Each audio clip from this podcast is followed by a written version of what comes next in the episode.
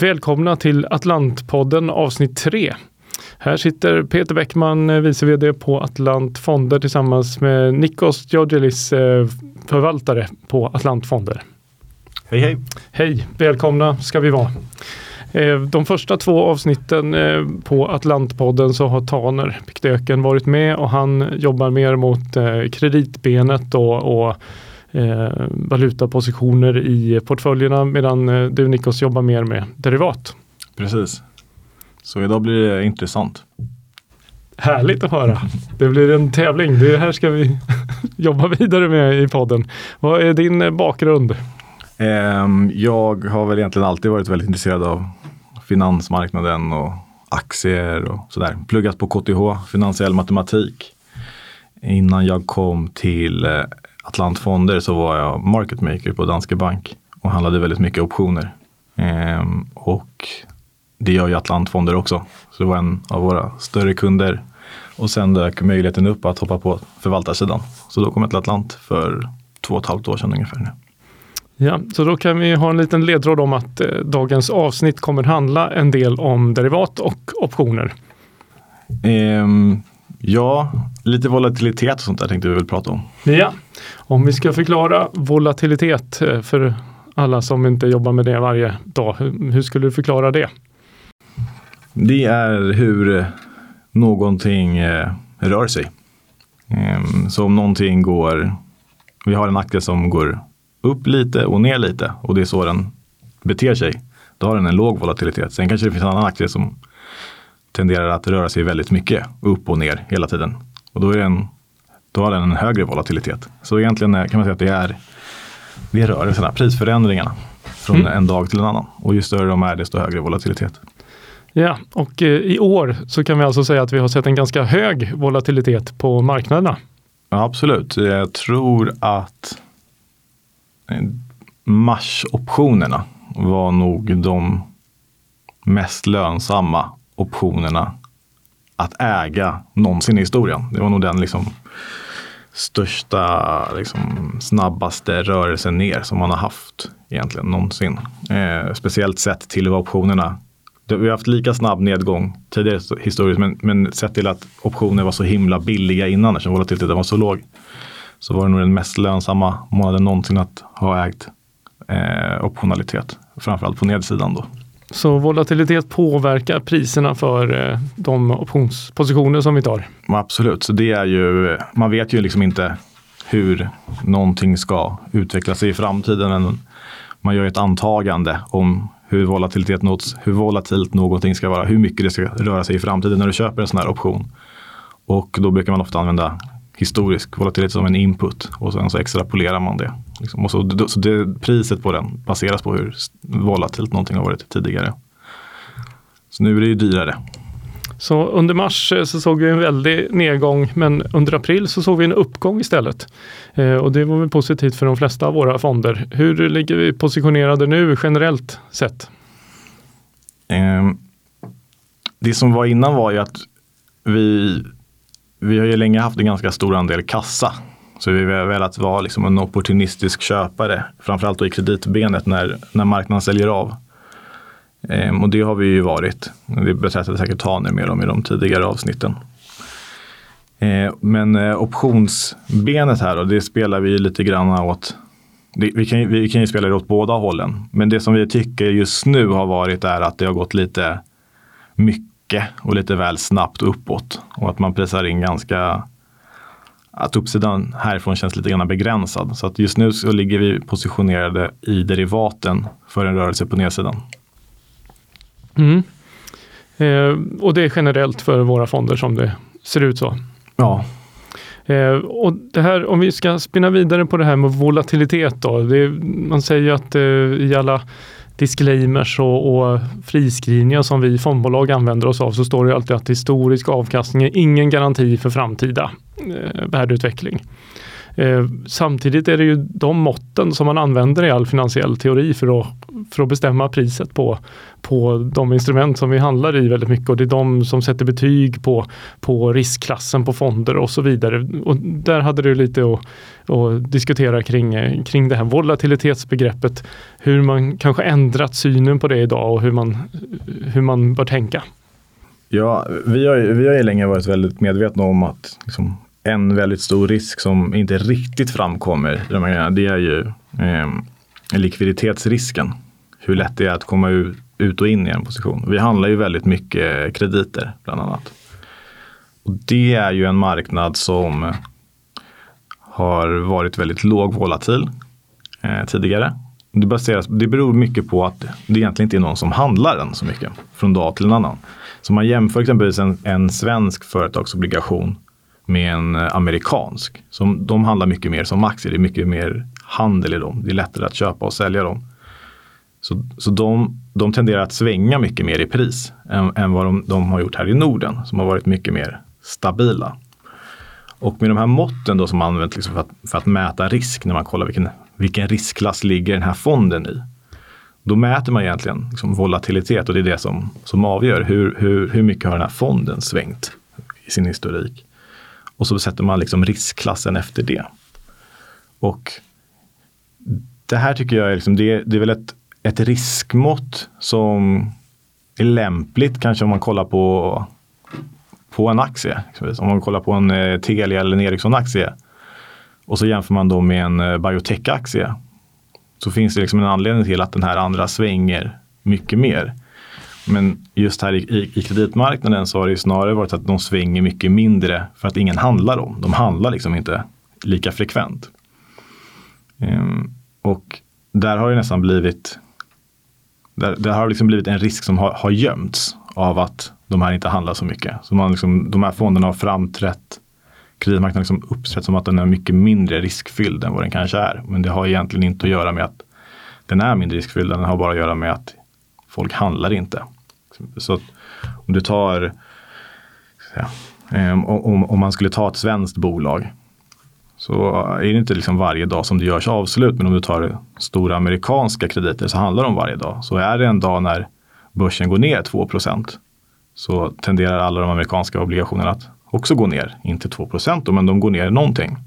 Så man har mycket högre korrelation till, till, till risktillgångar. Och medan den svenska, då ligger de oftast bara stilla. För det är ingen som har gjort någonting. Det är ingen som har köpt eller sålt den. Så när man, när man liksom ska sätta det här riskmåttet sen då, volatilitetsmåttet, när man ska sätta den här fonden i vilken riskklass den tillhör. Då, då, har, man, då har man ofta, till och med som förvaltare så har det liksom inte då lönat sig att gå, ut i likviditetsskalan kanske och, och allokera pengar till mer likvida tillgångar eh, som rör sig mer. För då ser det ut som att din fond är mycket mer riskabel. Eh, och, och, och, på sista, sista dagen, liksom, om vi, om vi lånar ut till 3 ränta i USA eller 3 ränta i, i Sverige så kommer man ju få 3% avkastning när, när det där är klart, om i bästa fall. Ehm, men vägen dit kommer ju ha varit lite mer skakig i en produkt som handlar upp och ner. Och då, då, då, då, får du liksom 3% avkastning till en högre risk säger man. Men det, det, kanske inte var så. Det har egentligen bara varit en annan tillgång som står, står helt stilla som inte det finns någon handel i. Så du menar att det, det det är samma underliggande risk i de här papperna men att det, egentligen så är det högre risk i, i de svenska eh, papperna än, än de stora amerikanska internationella. Det är bara att den risken inte syns förrän det smäller. Um. Ja, men så att vi, vi säger att det är två bolag nu, bolag A och bolag B. Det ena är svenskt och andra är amerikanskt. Och så säger vi att vi har gjort en kreditanalys på de här och de är precis lika kreditvärdiga. Allting ser finansiellt ser identiska ut. Men det ena handlar på en marknad där man handlar de här lite mer som aktier, en likvid marknad. Där, där det är mycket mer handel och den handlar upp och ner. Men den andra står bara still egentligen och tickar liksom långsamt de här 3 procenten uppåt. Men den andra är, den svänger mycket mer. För då kommer en, en, en stökig dag eller någonting händer så säljer den av lite och sen så jobbar den tillbaka upp. Men båda trendar ju mot att på slutdagen har gått upp de här 3 procenten som du, du har i din kupong. Um, Så jag kan säga, man kan säga att de är lika riskabla ur ett kreditperspektiv. Men den ena framstår som en mycket mindre riskabel tillgång för att den har då en, en lägre volatilitet. Men den är ju den är, den är ju inte sann. Och samtidigt så om man, om man tar in då likviditetsaspekten i det hela. Så den här amerikanska kan du ju sälja. Du kan ju likvidera din position. Medan här i Sverige nu då, så var det massa fonder som var tvungna att stänga sina fonder för att det gick inte att bedriva handel i de här tillgångarna. Så är likvida var de. Och vad, vad eh, från vårt perspektiv, vad, vad, kan vi göra åt det här? Just nu eh, i, när, när det här hände i mars, då låg vi ju väldigt mycket i, i kontanta medel. Eh, och, och låg inte inne i den marknaden så mycket eftersom vi hade en negativ syn. Men, men vad ska vi göra framåt med det här? Det, vi har jobbat eh, och jobbar väldigt mycket med på att liksom hantera likviditet. Det är så viktigt för oss så, så, som förvaltare att, att, att ha ett likviditetstänk alltid. Ehm, och som du sa, då har vi, vi har liksom legat med, med en ganska stor kassa. Och liksom man får hitta olika sätt där vi har använt oss av en del optioner och lite olika optionsstrategier för att kompensera för, för den ökade kassan. Ehm, och för det som vi, liksom, det stora alfas vi vill göra, det är att kunna köpa när alla andra måste sälja. Ehm, men eh, där har vi också haft liksom olika tankar och idéer om exempelvis en, en räntefond som ska vara likvid. Där, där liksom alla tillgångar egentligen ska kunna gå och sälja på dagen. Men vi har liksom inte känt att marknaden har varit redo för en sån lansering någonsin för att den fonden kommer vara volatilare än en traditionell liksom, nordisk eh, räntefond. Mm. Men, men nu så känner vi att nu kanske det blivit en förändring när folk börjar inse att det här volatilitetsmåttet är kanske inte det enda riskmått man ska kolla på. Så där kikar vi lite grann nu på att liksom ta det här äh, kunskapen vi har kring hur man kan fiktivt bygga upp liksom, eh, äh, syntetiska exponeringar som påminner om en andra men där likviditeten är, är mycket högre. Eh, och använda sig av sådana tillgångslag där, där den kanske kommer svänga lite mer men över tid så kommer den avkasta likadant. Ehm, så, så att vi kollar på liksom att eh, skapa likvida produkter.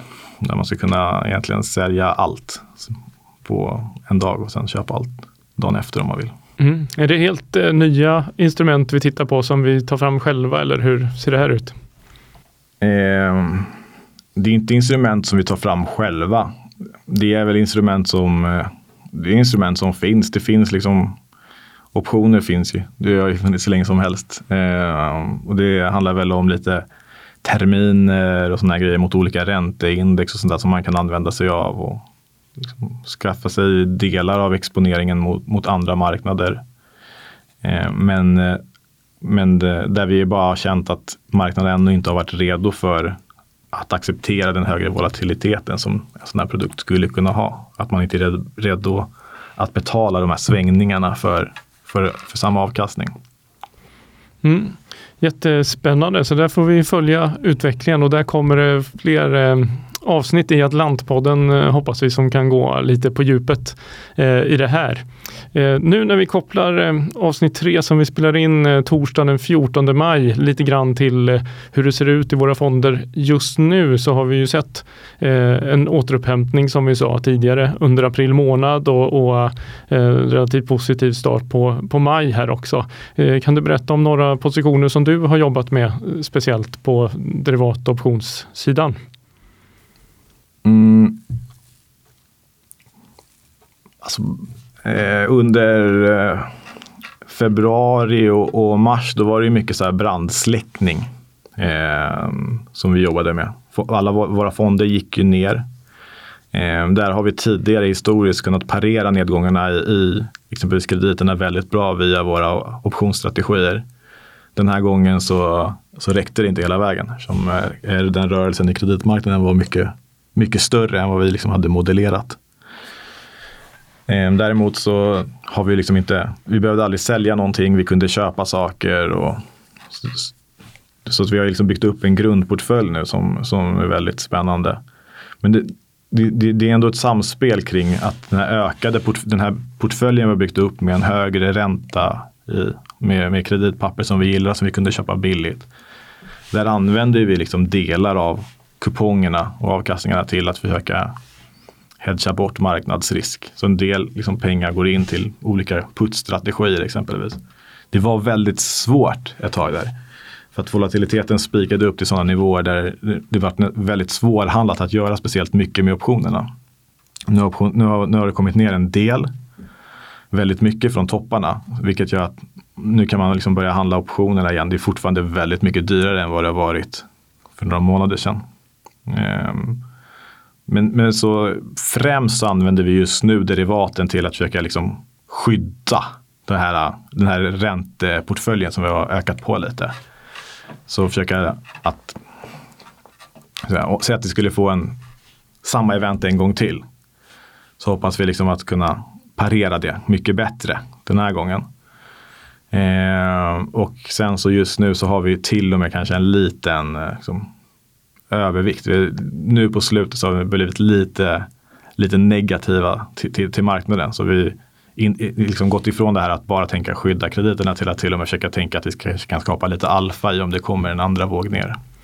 Så vi, eh, vi bekänner oss till de som eh, ser på marknaden som, eh, som ett björnrally som många har pratat om. Att den här uppgången som vi har sett bara är tillfällig och, och litet hack i kurvan på den breda nedgång vi kommer se. Ja, sen så är det ju, våra fonder ska ju vara liksom absolut avkastande. Så jag skulle nästan säga att liksom, bulken är ju mer att, att fonden ska bete sig så som vi vill att den ska göra vid olika scenarier. Målet är ju någonstans att skapa avkastning i både upp och, och, nedgång och stillastående. Och det här med vad vi har för åsikt, det, det är klart att om vi, om, om, vi får rätt så kanske det kan bli lite bättre, men det är inte där liksom bulken av arbetet ligger. Det handlar ju om att bygga en portfölj som ska bete sig på ett visst sätt vid olika scenarier. Mm, så, så liksom, det, det, är lite på marginalen. Vi tar lite, lite extra av någon, någon kupong nu och ökar på lite grann mot, mot nedsidan. Men det, kommer, det ska liksom bara kosta några punkter om vi får fel eh, extra. Men det ska ändå då är ändå tanken att, att kupongerna ska väga upp det där. Så att det liksom, vi ska inte, fonderna kommer inte förlora pengar för att det går upp. Vi, kommer, vi ska ju tjäna pengar om det går upp. I senaste månadsbrevet skriver vi om någon, eh, ett särskilt eh, case om eh, guldoptioner. Är det någonting som har gått, det verkar ha gått bra för oss? Är det någonting vi har i alla fonder eller någonting som ligger kvar fortfarande? Vad, vad är synen? Absolut, det är ett längre play. Liksom guldcaset är ju en den, den, finns i fonden Edge och den finns i fonden eh, Opportunity. Eh, jag vet inte hur mycket ni har gått in på tidigare om hur, hur de här två fonderna eller framförallt Opportunity kanske fungerar. Men tanken är ju att det ska ta olika bets så många små bets med ganska hög utveckling i dem när man får rätt. Men där när man får fel ska det inte kosta så mycket utan då ska den här maskinen av krediter i botten eh, finansiera de här casen. Så. Eh, men guldplayet är ju väl egentligen att vi, vi var, ganska, det, det, vi var ganska positiva till guld redan innan. Så vi har haft på guldpositioner från redan förra året. Eh, och det var en, ett svar på den här pengapressen som ger. Där var det någon, någon tävling i att devalvera sönder sina valutor mest mellan alla centralbanker. Och eh, där vi liksom ska fly, där guld kan bli någonting som man kan gömma sig i. Så då har vi gjort eh, olika optionsstrategier på uppsidan mot guld. Den som vi har på just nu är i december, löper de optionerna till. Så det är ganska lång, långt spel. Eh, och där egentligen tanken var, när vi gick in i den här positionen så var tanken att antingen så fortsätter man bara printa pengar och marknaden går upp och då kommer folk gömma sig i, i guld eller så kommer det en bäs och då brukar folk gömma sig i guld. Så vi såg egentligen inte en marknad där, där vi inte såg varför guld skulle kunna bli bra. Ehm, och nu med covid-19 så har det nästan blivit förstärkt med de här liksom pengapressarna. Utan det verkar inte finnas någon gräns i hur mycket pengar man kan trycka nu. Ehm, och det spelar ju i, i händerna på liksom, det förstärker hela våran tes om varför vi ville ha den här från början. Det var ju som ett svar på centralbankernas pengapress och nu blev det, blev det liksom pengapress på anabola. Så därför är vi väldigt positiva till guld. Det är en av våra största positioner i, i båda de två fonderna. Eh, enskilda bets. Men, men eh, ja, så det är det. Det är kul att handla ny marknad med, med guldoptioner och sånt där. Väldigt spännande. Ja, och där finns ju sen, sen Atlant Fonder i höstas köpte Pacific Fonder finns ju eh, finns ju även eh, Pacific Precious-fonden som går mot ädelmetaller och guld och den har ju ångat på eh, under det här eh, året och eh, förra året också när guldpriset gick upp. Eh, och där tror jag vi summerar ihop eh, det vi pratade om idag. Vi pratade mycket volatilitet eh, med Nikos. Vi pratade om eh, enstaka guldpositioner vi har. Vi hoppas kunna följa upp under flera avsnitt där vi går in mer på vilka optionsstrategier vi jobbar med, hur de används och vad de har, vad de har gett oss i de olika månaderna som vi, som vi rapporterar om här och som ni kan läsa mer om i vårt nyhetsbrev. Och för ni ska också komma ihåg ihåg att historisk avkastning är ingen garanti för framtida avkastning och de pengar som placeras i fonden kan både öka och minska i värde och det är inte säkert att man får tillbaka hela det insatta beloppet. Så fick vi med hela den klatschiga avslutningen också. Eh, tack för idag Nikos. Mm, tack.